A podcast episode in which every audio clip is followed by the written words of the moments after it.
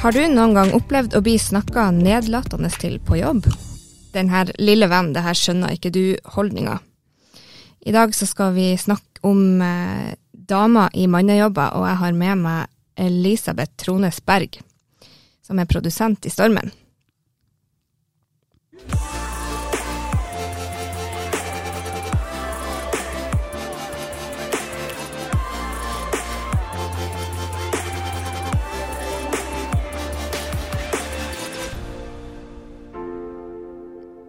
Hei og velkommen til uh, Høylytt uh, med Victoria. Uh, jeg har nå kommet til episode nummer tre, og har lyst til å prate om damer med mannejobber. hun Elisabeth, som jeg har med meg nå, 38 år gammel produsent i Stormen. hun har vært i bransjen i 19 år. hei. Hei, hei. og hun, hun har jo eh, siden hun var rundt 20, eh, vært i bransjen og fått med seg noen erfaringer som eh, kanskje ikke er gjeldende nå for bransjen, men som eh, er representativ for det mange kanskje opplever i de yrkene som er veldig mannsdominert, når du kommer som kvinne inn der. Eh, så det er det vi skal ta for oss i dag tenker jeg. Vi skal få med oss litt opplevelser, hvordan det oppleves. Um, vi skal snakke litt, selvfølgelig skal vi snakke litt lønn. Uh, og om det, hva som kan lønne seg, da, å velge ut av de yrkene som, som vi kan velge. Uh, og så lurer jeg jo òg litt på, er det biologiske forskjeller her? Så det, vi skal diskutere litt av hvert. Uh, Elisabeth, kan ikke du eh, begynn med å snakke om eh, hva du jobber med, og hvordan det hele begynte. Ja, det kan jeg. Nå jobber jeg jo som produsent for Sormen konserthus. Og eh, for, hvis noen hadde spurt meg for ti år siden, så ville jeg svart at dette her er det som er drømmejobben min. Eh, det er veldig spennende det jeg holder på med. Det er booking av band og show. Eh, vi forhandla pris og kontrakter. Vi ordna med De fleste har jo nå fått med seg at artistene har noe som heter en rider, med eh, ønsker som de vil ha backstage, f.eks. Så vi sørger for at eh, alt er på plass når de kommer, at de har hotell og at de blir henta. Det er en hel logistikk rundt dette her med å, å få en artist på besøk. Og det her har jeg, som du nevnte, da, har jeg jobba med siden jeg var 20 eh, år og student i Trondheim. Da begynte jeg som frivillig. Og eh, i frivillighetens ånd så er det selvfølgelig ikke så mye penger å hente i, ja, noen bransjer, selvfølgelig. Men uh, det har jo vært en, en, stor utvikling jeg har sett, vil jeg si da, på disse årene. Og heldigvis det tar jo tid å, gjøre, å implementere forandringer, ikke sant? uansett hvor man er og hva man skal gjøre. Så um, det, det har skjedd mye. Ja. Jeg, jeg kjenner jeg blir litt nysgjerrig på hva er, hva er det artigste eller rareste du har fått på en rider noen gang, eller vært nødt til å legge på? Um, ja, hva er det? Altså, noen artister er jo veldig obs på det her og gjør litt humor ut av hele rideren sin, fordi at de vet at det, det er mye rart ute og går. Og jeg syns i hvert fall før i tida så var det mye sånn her eh, de ville ha, eksempel, Noen ville kanskje ha et brannslukningsapparat, og man kan jo lure på hvorfor eh, hva, hva, skal du med det? Eh, og det er jo kanskje også noe som man ikke så gjerne vil sette inn på en backstage, for jeg ser jo for meg hva de skal gjøre med den, og det er jo å sprute ned eh, rommet. Ja. Så vi har jo vært litt tilbakeholden på noe av det her. Men eh, det har jo også vært uh, mye skriverier om uh, Iggy sin rider, og den er jo skrevet som en fortelling. Uh, og der står det bl.a. at de vil ha en dverg. Men det er jo bare tull, ikke sant. Det er jo bare for å sette, gjøre litt humor ut av det, da. Ja, og gjør det litt vanskelig kanskje for dere. Er det her seriøst ja. eller ikke? Ja. jeg tror jo kanskje at ikke alle sammen eh, tar humoren i det, da. ikke sant? Du gjør sitt ytterste for å eh, levere alt det som står i en rider, men ja, nå har bandene blitt veldig mye mer nøkterne, og vi ser mer og mer av typen eh, grønnsaksbod og eh, jusmaskin, liksom, mens det før var røyk og snus og sprit. Det var liksom det de ville ha. Ja. Så det, det er jo også et problem i bransjen. Det har vært mye alkohol. ja. Og det gjør jo noe med folk. Det vet vi jo. Det gjør jo det. Mm. Eh, det, gjør jo, det ser jeg jo på min jobb òg, eh, at kompliserer det jo litt når eh, jeg er ute og folk har drukket. Da blir det jo fryktelig lett å, å lage humor og, og ting som ikke er greit, eh, som de prøver å gjøre artig. Eh, ja, så det, Vi kan komme litt mer inn på det. Det var en liten digresjon med denne rideren. Jeg syns bare det er et veldig interessant uh, tema, hva folk kan ha på den. Men uh, du begynte da på som festivalfrivillig, og så har du jobba deg oppover og videre. Um, og så har du hatt forskjellige roller. Hvilke ulike roller har du hatt i bransjen? Altså de som har vært eh, mest eh, stabile, da, det er jo at jeg har jobba som artistansvarlig for eh, både Trænafestivalen og Parkenfestivalen. Eh, det har jeg gjort. Træna var jeg vel i ja, over ti år. Jeg husker egentlig ikke. Ti-tolv år. Mens Parkenfestivalen har jeg vært artistansvarlig siden oppstart. Um, og ellers så er det jo Man jobber jo mye som frilanser fordi at det er veldig få faste ansettelser. Um, så de aller fleste de jobber jo eh, i hvert fall i en oppstartsperiode, og mange velger jo også å gjøre det hele tida, å jobbe som frilanser. Men eh, jeg var jo alenemamma fra jeg var 22 år og hadde et barn jeg måtte ta hensyn til, så den der frilansjobbinga, det var ikke noe for meg. Så eh, jeg tenkte jo ofte at jeg måtte inn i en bransje som var litt mer stabil, og jeg prøvde meg på jeg gikk første året på sykepleien f.eks., for eksempel, fordi jeg tenkte at det, her er det trygge jobber og mange jobber å få. Det var jo ikke noe for meg. Eh, Så jeg falt jo hele tida tilbake inn i prosjektjobbing da, i denne bransjen, kulturbransjen. Og det er jo der jeg trives, og det jeg vil jobbe med. Men ja, jeg vil si at det har vært eh, det, det er tungt på mange måter. Litt sånn ensomt å stå som eh, eneste dame f.eks. på arbeidsplassen, når du har 16 kollegaer, alle sammen er manner. Det er litt sånn, ja.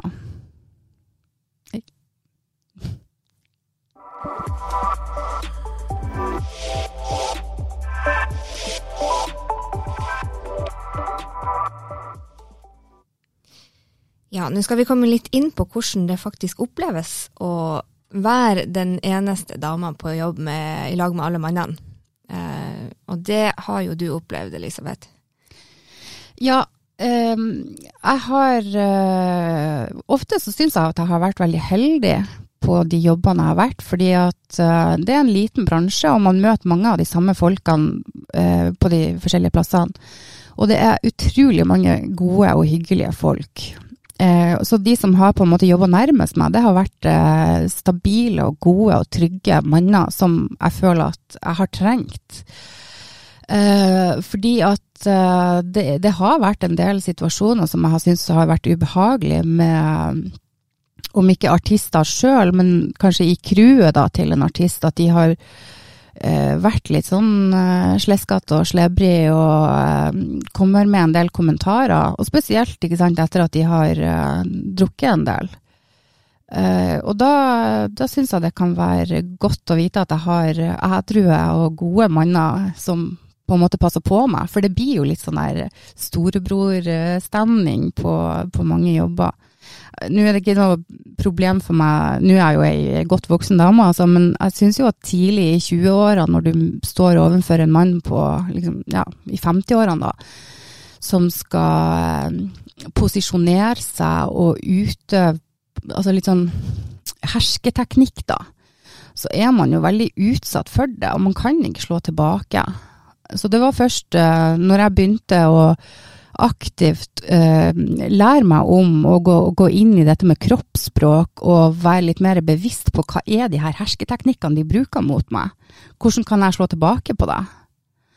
Og så handler det selvfølgelig også om at man må finne en trygghet i seg sjøl og den jobben man gjør, og at man føler seg trygg på at jeg leverer et bra produkt i det jeg gjør. Og det, det, når jeg bygde opp den der selvtilliten, så torde jeg jo også å slå mer tilbake og si fra at dette her er faktisk ikke greit.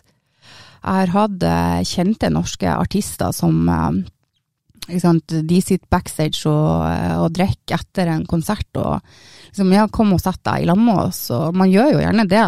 Og så får du slengt et par eh, svette, nakne føtter opp i fanget, og så bare ja, ta nå og gi meg en liten fotmassasje. Du, Oi, lille frøken. Ja, ikke sant. Hvem i all verden som syns det er greit? Det, det er ikke det. Selv om du får kjendisføtter i fanget, så er det fortsatt sure eh, føtter. Ja, eh, føtter er faktisk noe av det ekleste jeg vet. Jeg vet ikke helt hvorfor. Jeg har sånn aversjon mot føtter. Men eh, det er kjæresten han er også helt sånn heldigvis enig, sånn at det blir ikke noe sånn han fotsutting og sånn hos oss. Ja, jeg tror det var det som var ønskelig den gangen. Ja. Men uh, la oss ikke dvele ved det. Du, hvordan, uh, hvordan hersketeknikker uh, lærte du deg å kjenne igjen, og hvordan fikk du til å på en måte finne ut hva du skulle gjøre for å slå ned på det?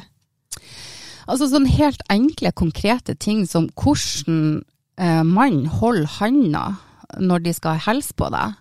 For veldig ofte så kommer handa Nå er det jo vanskelig å forklare på radio uten å kunne faktisk vise hendene, men når handa kommer på en måte ovenfra, sånn at du må legge handa di under, og så må du liksom ta tak for å vri den, sånn at dere ligger likt på linje med hverandre.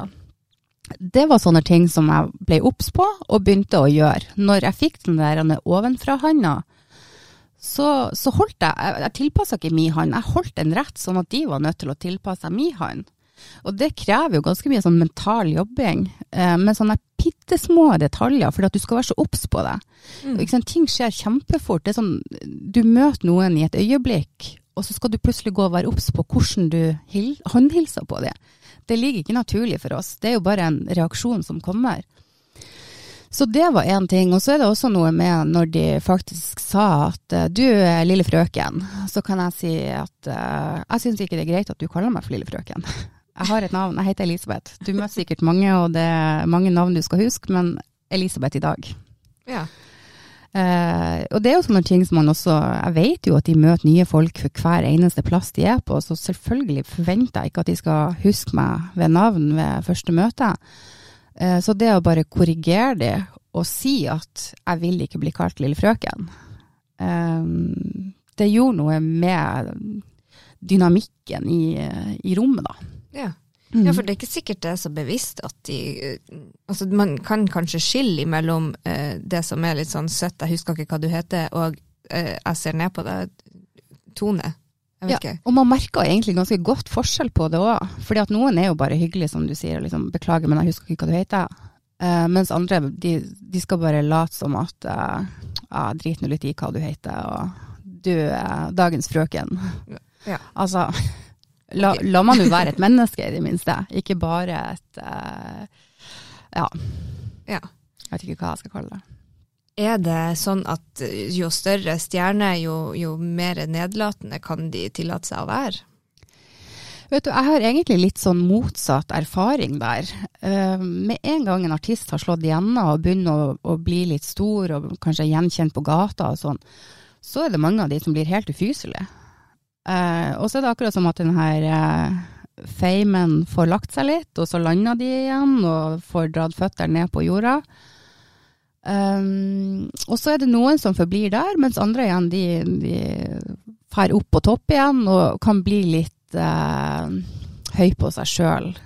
Og det er litt fascinerende, altså, men noen av de som jeg hadde forventa skulle være veldig sånn der eh, ja, høy på seg sjøl, superstar, sånn som Sting, da. Han er verdens hyggeligste fyr. Eh, jeg fant ut at han hadde et bibliotek hjemme, og jeg elsker jo bøker, så han, der hadde vi virkelig en plattform å prate om ting på. Og eh, han var veldig jordnær og fin, mens eh, jeg kan komme med norske eksempler Nei, jeg vil egentlig ikke gjøre det, men, men det er ofte de der små, småbandene som er de verste å jobbe med. Ja. Som har skjønt at de, de får lov å stille krav, og vi må bare gjøre det de sier. Så det er akkurat som at de, det blir som en treåring som tester grensene. Hvor langt kan jeg dra det her? Så um, der har jeg òg lært meg at man, altså, som sagt, nå er jeg ei voksen dame, jeg har tre unger. Jeg kan godt dra eh, morserfaringene mine inn i jobben nå, for det er noen eh, paralleller her. Og eh, noen ganger så må man bare si nei. Sett grenser. ja. Mm. Eh, har du alltid syntes at det har eh, kommet lett å, si nei. For jeg kjenner jeg er litt sånn her, han eh, vil ikke skuffe, eller vil ikke Altså, jeg har veldig vanskelig for å si nei, i hvert fall. Ja, det er, det er veldig vanskelig å si nei. Og en av de tingene som jeg jobber mye med, det er jo sånn som i parken, da, når jeg har artistverter som jobber for meg, så lærer jo jeg de at en artistvert sin jobb er alltid å si ja. Ikke sant? Man skal være litt sånn bjuda på, og, altså på en hyggelig måte. Ikke, ikke gå over noen grenser som du ikke syns er greit sjøl. Um, men du skal, du skal hjelpe til. Du skal liksom etterlate et inntrykk av at når vi var i Bodø og på Parkenfestivalen, eller om det er i Stormen, ikke sant. Det var en fin tid, det var en bra dag. Vi hadde en hjelpsom person.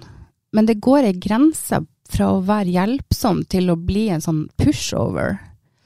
Og eh, jeg tror det er, i hvert fall sånn som i festivaljobbing, der du har et veldig begrensa tidsrom. Du er bare inne og jobber i to dager, så er det over.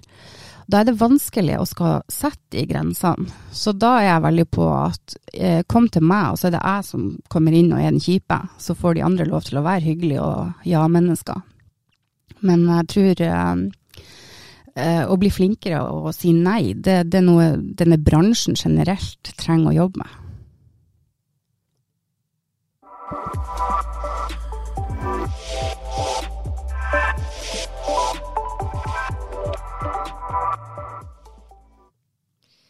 Ja, jeg lurer jo på eh, eh, Nå har vi snakka litt om dette med artister du møter, ikke sant, den delen av jobben, men, men når du har eh, når, Altså, når du ikke håndterer artister, så har det vel også vært eh, et mannsdominert yrke, eller tar jeg feil? Nei, det har absolutt vært eh, mannsdominert eh, i alle ledd. Ikke sant? Man, det, det, det som, altså, som publikummer, det du ser på scenen, det, det er jo på en måte bare en, eh, en tredjedel eller en fjerdedel av et stort maskineri. Eh, alt av teknikere som jobber med lyd og lys, det er jo definitivt en overvekt av menn. Uh, og når du går videre fra det, da, så har du gjerne et bookingbyrå, du har et pressebyrå, du har et management. Det har vært en overvekt av menn, men her har jeg også sett ei endring. Så nå er vi jo veldig mange flere kvinner. Og jeg tror spesielt i det som går rundt turnéplanlegging, og som er litt sånn her eh, nå blir jeg litt sånn kjønnsstereotypisk her, altså, men det som går på planlegging, det ser jeg jo at det kommer flere og flere damer inn i bransjen og gjør. Og vi er jo veldig inne på sånn smådetaljer eh, på den måten vi jobber på. Og eh, min oppfatning er at eh, det ligger nok mer naturlig for damer å ha kontroll på det. Ja. Altså, det er kanskje en, jeg, jeg, jeg tror ikke det er en brannfakkel engang, for jeg tror at i de fleste husholdninger så er det også sånn. Det er liksom damer som styrer smådetaljene. Det, er der oversikten ligger, det er i damehodet. Ja. Eh, Jeg vet ikke helt om, om det kan øh, Om vi bare er for, for detaljorientert, og mannene ikke i det hele tatt. Altså sånn det, For det, er jo, det gir jo litt mening. Det er jo sånn det bruker å fungere i, i mange hushold. Eh, og det er Det ligger jo litt i det her eh, at mødre må gjerne planlegge frem i tid for ungen, og, og sånn, og det er gjerne mor som tar den rollen og, og planlegger inn, innkjøp til neste år må ungen ha det og det i barnehagen, og nye støvler, og, og jeg ser at disse begynner å bli for små, og så husk på liksom disse små tingene. Eh, så mulig at det har noe med biologiske forskjeller å gjøre, rett og slett, vi, hvordan vi er skrudd sammen, tenker jeg. Jeg tror absolutt det. Og så tror jeg jo ikke at man skal eh, se eller altså man, man skal huske på det at folk er jo forskjellige. Det finnes jo selvfølgelig manner som også er kjempeflinke på organisering, det er ikke det. Men eh, eh, jeg tror nok at også de som er utøvende musikere eller kunstnere generelt, de har et, et annet type hode enn det vi har.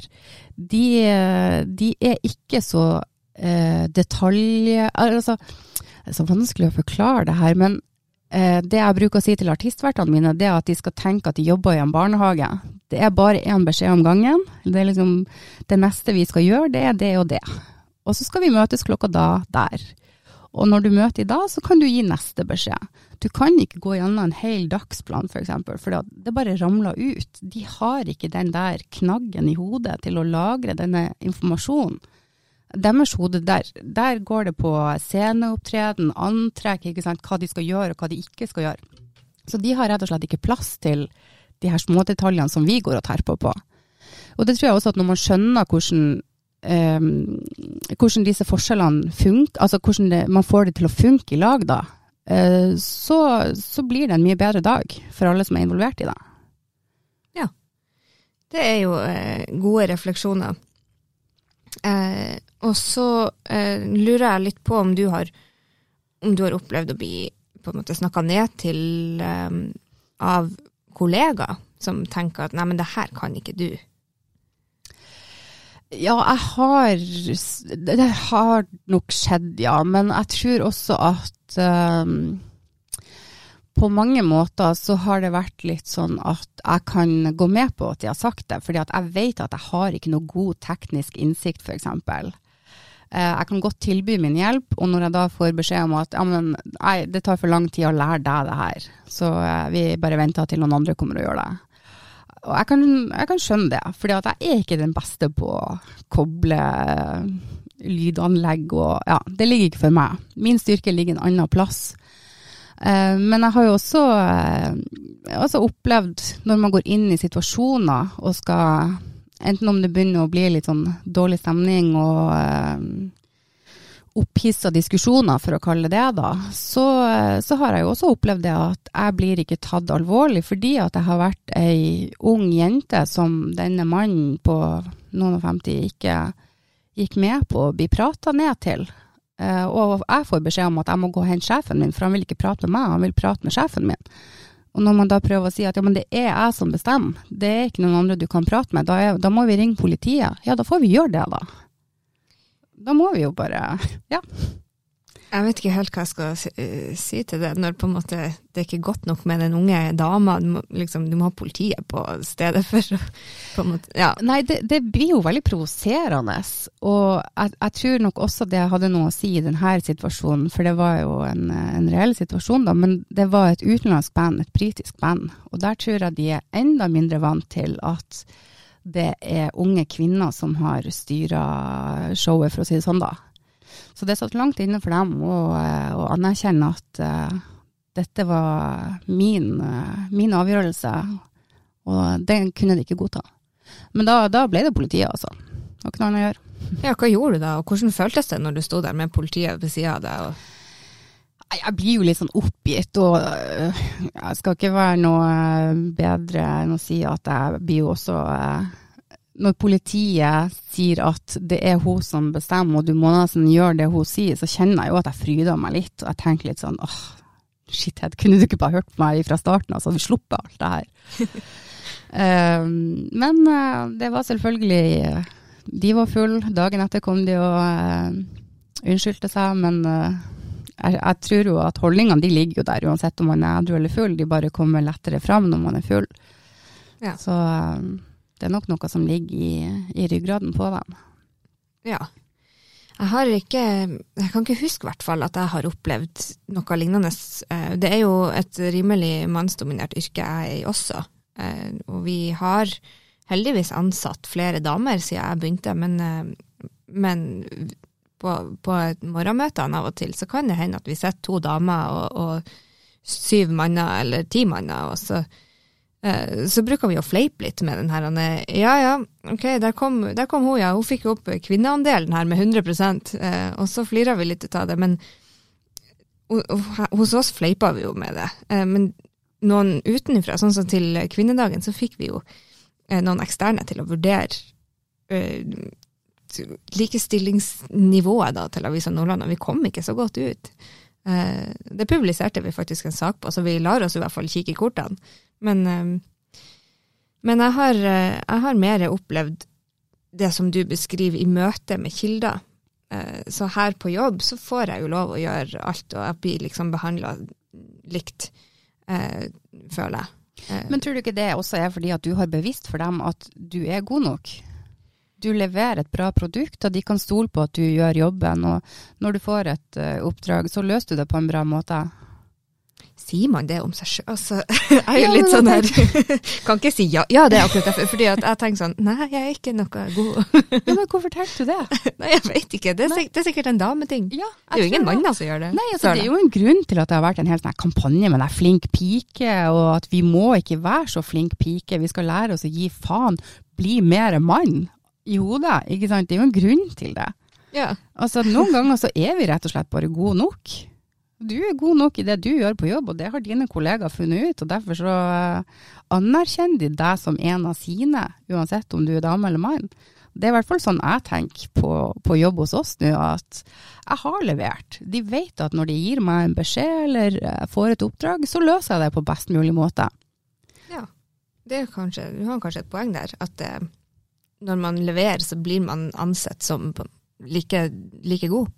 Eller, jeg vet ikke. Jeg tenkte, ja. Ja. Men tenker vi noen gang det når det kommer en ny mann som ikke vi vet eh, nivået på?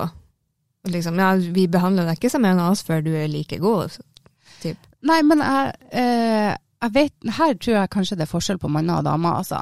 Eh, når en ny mann kommer inn i manneverden, så må han kanskje bevise for de andre mannene at han er god nok. Mens vi er litt mer sånn å, kom, kom, her har vi vafler på kjøkkenet, kom i lag med, meg, fortell om deg sjøl. Vi er mer opptatt av det der personlige planet, på en måte, at man skal komme overens på jobb, og det skal jo være trivelig å gå på jobb, ikke sant. Man skal ha gode kollegaer og ja. Mens mannene tror jeg er mer på fagfeltet sitt med en gang. Så her tror jeg det er biologi.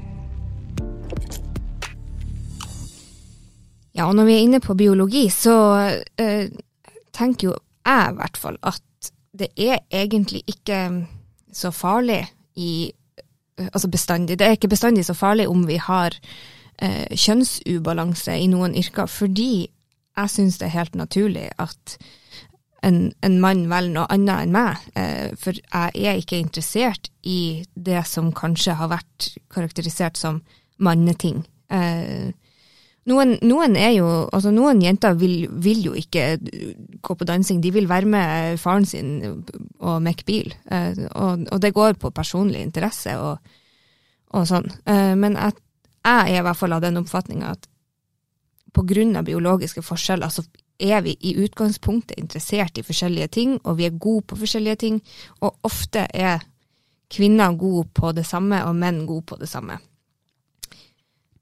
Ja, det, det føler jeg også er ganske korrekt. Altså. Og jeg tenker jo spesielt innenfor uh, lyd og lys.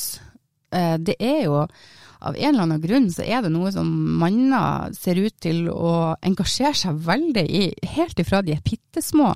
Sånn knapper og ledninger og brytere. Og jeg har nå en bror som skrudde fra hverandre alt han kom over ifra han klarte å holde et skrujern jeg fantes ikke interessert i å skru sund den nye radioen vi hadde fått. Altså, jeg, det interesserte meg ikke hva som var inni den. Så her tror jeg jo at uh, interessefeltene våre uh, sikkert uh, muligens da skapt også av omgivelsene rundt oss, men jeg tror at noe av det her det er vi født med. Jeg klarer ikke å, å tro noe annet.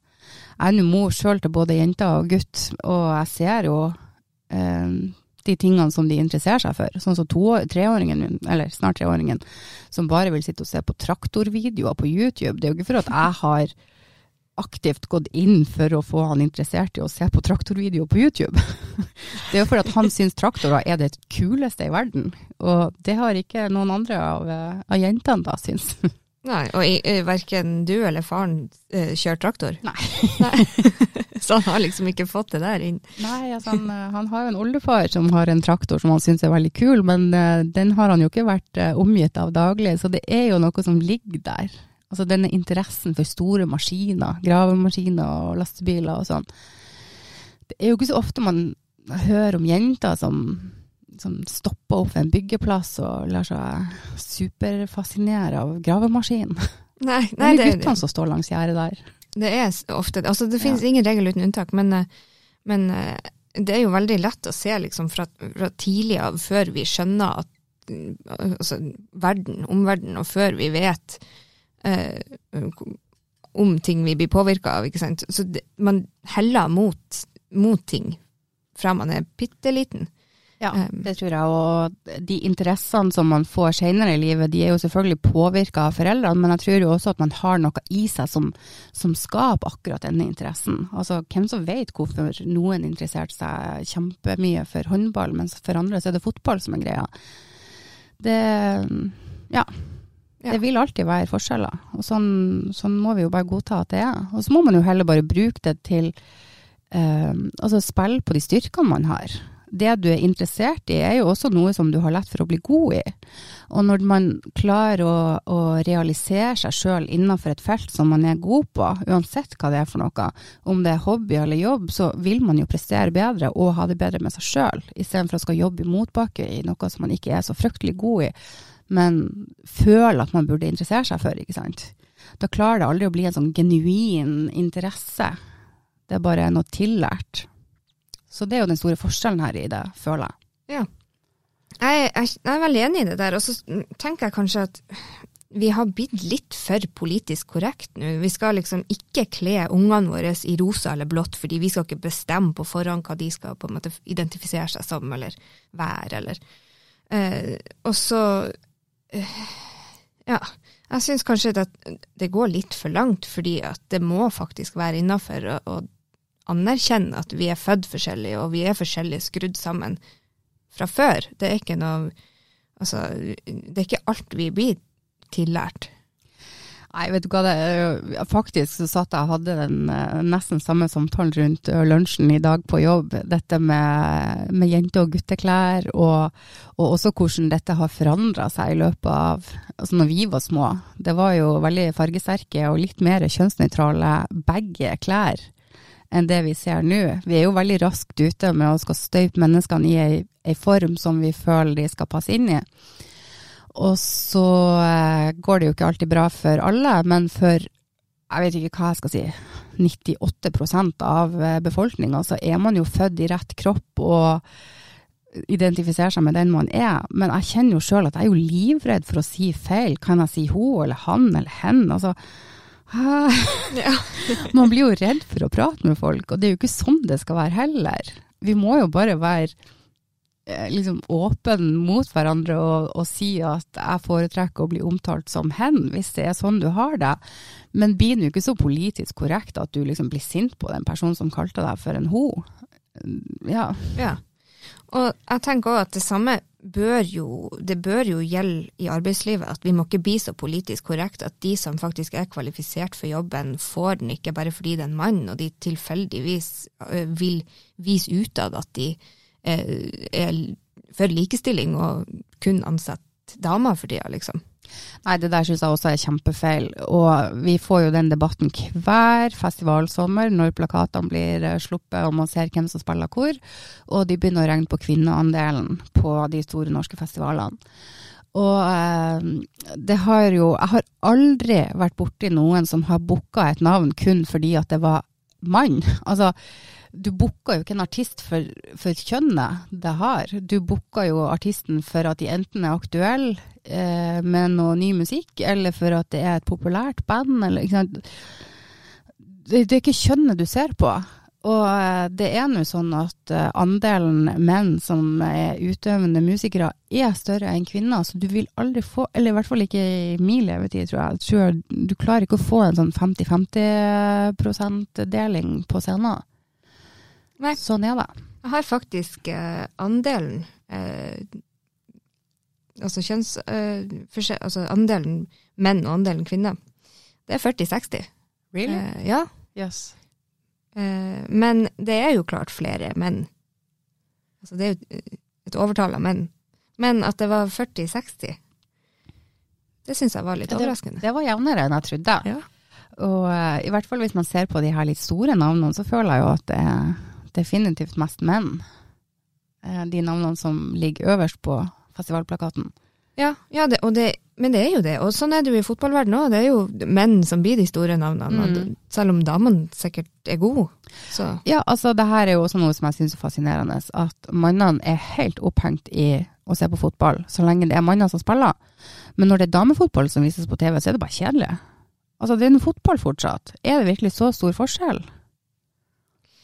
Ja, man kan jo begynne å lure lite grann. Men nå hører du, jeg er jo ikke interessert i fotball. Så eh, det er kanskje det som er problemet, da, at jeg vet ikke nok om det til å se forskjellene. Men er det virkelig mer interessant å se mannene spille enn damene spille? De gjør jo akkurat det samme.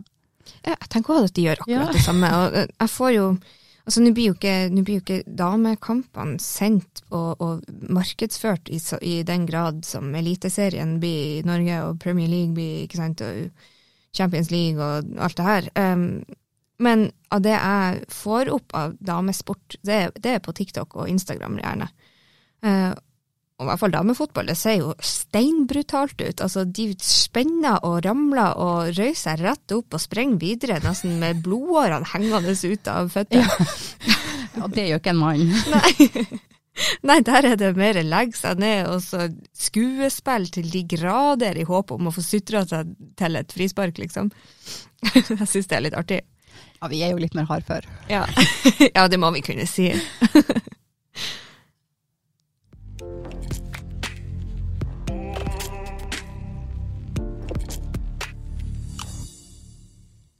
Jeg har altså sett litt på eh, på uh, lønn, eller jeg har ikke sett hva man tjener, men jeg har vært og lest meg litt opp på at uh, uh, det kan faktisk lønne seg å gå for kvinne, nei, mannsdominerte yrker.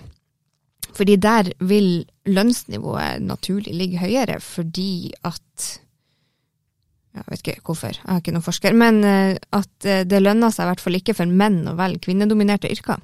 Fordi der er lønnsnivået lavere. Hvorfor, hvorfor, det? Hvorfor skal det være sånn at i 2023 så tjener damene i gjennomsnitt 85% av menns i lønn? Ja, vet du, det der er jo eh, Det lar jeg meg provosere av hvert år de statistikkene blir lansert i media. Men uh, man vet jo at de her typiske kvinneyrkene, det er jo gjerne barnehage eller omsorgsyrker, da. Og vi vet jo også at de er underbetalt, overarbeid, det er dårlige vilkår. Altså, ja. Men så tror jeg også det ligger litt sånn naturlig for oss damer i hvert fall å velge disse omsorgsyrkene, for det er der vi føler at våre styrker ligger. Vi får, vi får gjøre ting som er, eh, ligger naturlig for oss. Mens de mannsdominerte yrkene er jo ofte av mer teknisk art. Um, uansett om det er innenfor ingeniør eller uh, ja, gravemaskinfører. Men uh, du skal jo allikevel da ha en interesse for det tekniske. Er det der forskjellen ligger? Men altså, det at lønningene er så mye lavere i helsesektor f.eks., det det er jo bare feil. Men så kan man jo ikke gjøre noe med det heller, for de eh, De får jo de pengene de får eh, sykehuset, altså. De kan jo ikke bare skru opp lønningene uten videre. Det vil jo få konsekvenser. Og eh, hvordan man løser det her, det er jo kun politikerne som kan gjøre noe med det. Men ja, altså jeg, jeg, er jo kjempeenkel. Jeg tenker at ok, er du leder i en bedrift eller en organisasjon, og så ser du at oi, her tjener damene i snitt 85% av det mannene tjener. Hm, jeg, jeg, tror vi bare setter opp lønna deres med 15% nå med en gang, og så får det bare være sånn. Og så blir det litt minus på budsjettet. Altså så enkel er jeg. Hei, ja, og Tenk om det hadde vært så enkelt. Men uh, nå tror jeg jo kanskje også at i hvert fall på noen felt så har jo utdanning hatt noe å si òg. For det er jo først de senere årene at andelen kvinner på universitetet f.eks. er høyere enn menn. For det har jo vært motsatt i mange, mange mange år. Menn har vært bedre utdanna enn kvinner. Vi har jo statistisk sett eh, mer altså, hva skal jeg kalle det, hjemmeværende år enn det menn har. Det ser man jo også når, eh, når man skal ansette en ny person får jo høre noen ganger at uh, vi er ikke ute etter ei kvinne i fruktbar alder. Vi vil gjerne ha noen som ikke skal i permisjon om et år, liksom. Vi vil ha stabilitet. Ja, jeg kan jo skjønne det, men da må man faktisk da må man begynne å gi tilskudd til damer i fruktbar alder, sånn at de kan i hvert fall ha penger eh, nok til å holde tritt for å kunne bo. å, altså, Hvis det er sånn der holdninger man skal bli møtt med, tenker jeg, så må man bøte på andre vis. Ja, man burde jo det. Men jeg, jeg, føler jo i hvert fall, nå vet jeg ikke om jeg har statistikken i ryggen på det, men jeg føler jo også at på ledernivå så er det jo mer menn enn damer. Og de ser jo sikkert ikke disse forskjellene som noe stort problem. Det er jo de som vinner på det, uansett. Og deres eh, oppgave fra styret er jo å holde organisasjonen sin eh, levende og flytende og med, med, gode tall. Man kan jo ikke bare sette opp lønningene til kanskje halve arbeidsstokken uten at det får konsekvenser en annen plass. Så det må jo hentes inn en plass, da. Ja. Eh, så jeg sett faktisk med prosentandelen eh, ledere òg, statistikk på det. Og der er det 33% kvinner mot 66% menn. Sånn at det er kanskje noe i det at de, de kan ikke relatere til det der og, være nøyd å være borte fra jobb. Og, ja, det, er ikke, det er ikke et viktig område for dem kanskje? Nei, jeg tror ikke det.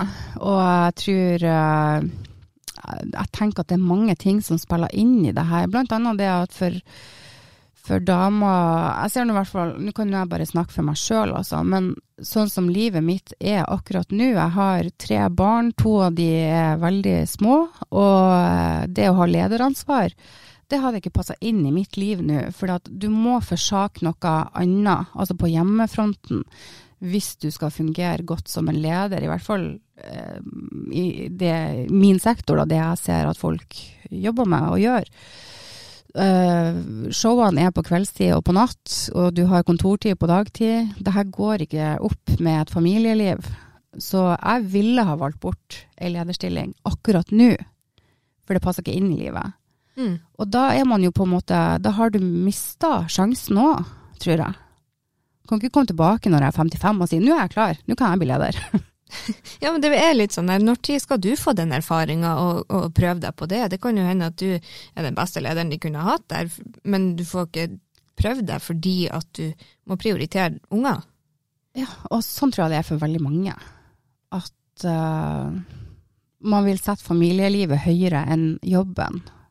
Og jeg vet jo også at det er mange kvinnelige ledere som blir uh, sånn snakka ned i vennegjengen eller i barnehagemammagjengen, da, fordi at ja, denne mammaen er nå aldri til stede og kom ikke på avslutninga engang, ikke sant. Ja, hun er så travel med den jobben sin. Så vi er jo ikke noe greie med hverandre, vi damer heller. Nei, så ikke nok med at man skal på en måte bli dømt for å være dame på jobb, men du skal jo òg bli dømt for å være dame på privaten, for du er ikke god nok dame ja, jeg føler egentlig at vi, vi mislykkes på alle fronter fordi at vi klarer ikke å møte de eh, forventningene som er rundt oss. Altså om det er hjemme eller på, i barnehagen da, eller på jobb, så vi har hele tida der enorme forventningsplasser. Det er rart at det er så mye deprimerte folk. ja, det er jo eh, Hvordan skal vi leve opp til det? Vi er oppdratt til å være flink pike, si ja Tror vi at det her noen gang kommer til å endre seg? Jeg håper jo at vi klarer det, og jeg tror at uh, vi kan jo i hvert fall ikke fortsette å, å, si ja og bare ta på oss ting sånn som vi gjør nå. Jeg ser nå bare den ungdomsgenerasjonen som skal være så flink. Altså, jeg føler, altså Ungdomstida det er jo til for å prøve og feile. Du skal drikke deg full og bli henta av foreldrene dine. Sånn lærer du deg at ok, det var ikke lurt. Eh, det er ikke så sjarmerende hvis du først begynner å gjøre det når du er 22 og liksom ferdigstudert og har en, eh, en grad i lomma. Det er ikke like artig å da måtte ringe hjem og bli henta, fordi det er første gangen du er ute og drikker deg snydens. Altså, Ungdomstida må man få lov til å bare ha frikort, gjøre feile ting. Og så lærer man av det. Og det er jo sånn livet er. Og der føler jeg at vi er blitt så opptatt av at vi skal ikke gjøre feil lenger. Eh, og det er det vi lærer ungene våre, at ikke gjør det for det er feil. Men man lærer jo ikke av å få det fortalt, man må jo prøve å gjøre de feilene sjøl. Absolutt, jeg, det kjenner jeg at jeg er veldig enig i. At når du Du kan jo hende at du bare aldri tør å prøve, fordi du, du, biter, du henger det opp i ordet feil. Når noen sier ikke gjør det, det er feil. Eh, jeg kjenner jo bare, eh, sånn som jeg har vært tidligere i livet, så har jeg vært utrolig redd for å trå feil, at folk skal synes jeg er teit, at uh, jeg skal si noe som fornærmer noen eller tråkker noen på tærne. nå har jeg jo lært meg, uh, nå i voksen alder, etter fylte 25 eller noe at uh, det, det, man må faktisk bare drite i det, man må spørre om det hvis man ikke skjønner. Altså, det er ingen, ingen dumme spørsmål. og jeg tror det er den holdninga vi må på en måte bli enda mer gode på å ha. Eh, og vi må gjøre oss enda større og sterkere, på en måte, for, for å kunne konkurrere med eh, på en måte de holdningene til menn. Ja, altså her er det jo kanskje måten vi er oppdratt på, da. At vi, eh, vi blir lært så tidlig at vi skal ta vare på de rundt oss. og ja, vi skal være jeg vet ikke hva vi skal, nøytral. Altså, vi skal være en sånn trygg person å komme til og gå til. Og det passer ikke med det å være sjef. For da skal du ta kjappe avgjørelser, du skal være litt hard, og du skal bestemme, og du skal Du må finne fram ei side inni deg som jeg tror veldig mange jenter er ikke opplært til å ha disse kvalitetene i seg. Og det tar tid å lære seg dem, og spesielt hvis man begynner med det i voksen alder det er en hel vei å gå. For det er én ting å sitte på universitetet og lese ei bok om lederskap, og så er det noe helt annet når du kommer ut og skal gjøre det her i praksis. For da er det ordentlige mennesker du har med å gjøre, og hvert eneste menneske har sin egen historie. Så du må tilpasse eh, jobben. Altså, sånn er det. Menneskene har med seg bagasje, og den er det uansett om man er på jobb eller hjemme, så er det der. Det påvirker jo oss som mennesker, det vi har gjort og erfart tidligere i livet. Mm. Så lederjobb, det er kjempevanskelig. Nå har jo ikke jeg noen lederstilling nå, men uh, jeg kan ikke gjøre det nå heller, for jeg har ikke rom for det. For jeg føler at man skal ha så mye plass til medarbeiderne sine i seg sjøl, på et vis. Ja. Man skal, man skal være, I hvert fall sånn som jeg vil være leder. Jeg vil jo være en åpen og inkluderende leder. Og det, det tar mye, altså. Mm. Det kreves mye. Ja, det gjør det. Så skal du vise omsorg òg for, for, de ansatte, og så skal du komme hjem og gjøre det samme for ungene. Så det kan bli litt mye. Ja, og så Samtidig så må man jo være faglig sterk og øh, vise at man har en øh, staka ut den rette kursen for bedriften. Du må jo få dine ansatte til å tro på at det du gjør er det rette eller det beste, eller i hvert fall ja, at man vil det beste for en bedrift. Så det er jo det der med å balansere det personlige med det faglige, som jeg tror er veldig vanskelig ofte for oss damer, fordi at vi har mye mer overvekt av det personlige i en relasjon. Eh, og det er vanskelig å legge fra seg. Eller jeg, vet, jeg, tror ikke, jeg, tror ikke, det er rett å legge det helt ifra seg heller, men altså Balansepunktet her må kanskje endres litt på. Ja, og det her med hva som, hva som er hva som er greit og ikke. Altså, det er faktisk helt greit hvis en mann har litt eh, sånne lederegenskaper som en kvinne har. Altså, sånn, og det er, det er, ikke noen ting som er feil, tenker jeg. Nei, jeg har jo lest en del om, om leder, eh, også ulike typer lederstiler og sånn. Um, og det er jo noe som heter emosjonell ledelse, der man uh, det, det, er litt det jeg er inne på nå, da, at man, uh, man lar uh, de menneskelige kvalitetene da være det som styrer.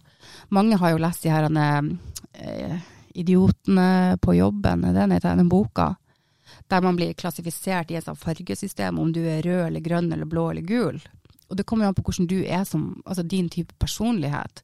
Og skal du ha et team, så skal du jo også være klar over hva det er slags type personlighet du setter sammen i det her teamet. For du kan ikke ha en helt homogen gruppe, for da vil du aldri få noe framdrift. Du vil jo ha noe som, som skaper litt gnisninger, sånn at du kommer fram til kanskje et uventa resultat eller ei uventa løsning, eller at du vil hele tida drive det framover, ikke sant. Sånn at du, Det første steget er jo det å identifisere de ulike mennesketypene. Og det har ingenting med kjønn å gjøre. Og det er det som er så bra, at hvis man bare har mer fokus på det Det er sånn som jeg skulle ønske var inne i pensum fra ungdomsskolen, altså. Eh, det å lære seg kroppsspråk, lære seg at uh, man tenker på forskjellige måter. Noen tenker veldig visuelt, noen tenker veldig uh, liksom, Hører en lyd og knytter det til noe det er ulike måter å være på, og alt det her er det som er samspillet på jobb. Nå ble det veldig mye leder... Eh, altså, ja. Ja, men jeg, jeg, jeg syns det der egentlig ble en fin avslutning, fordi at det handler ikke om kjønn, det handler om egenskaper og hva man trenger på en arbeidsplass. Så eh, jeg tror vi lar det få bli siste ordet for denne episoden, og så høres vi igjen neste fredag med nytt tema og ny gjest. Eh, og da eh, er det noe som dere lyttere gjerne ønsker at jeg skal ta opp, så send meg gjerne en e-post på enkelvf.krøllalfa.an.no. Så høres vi.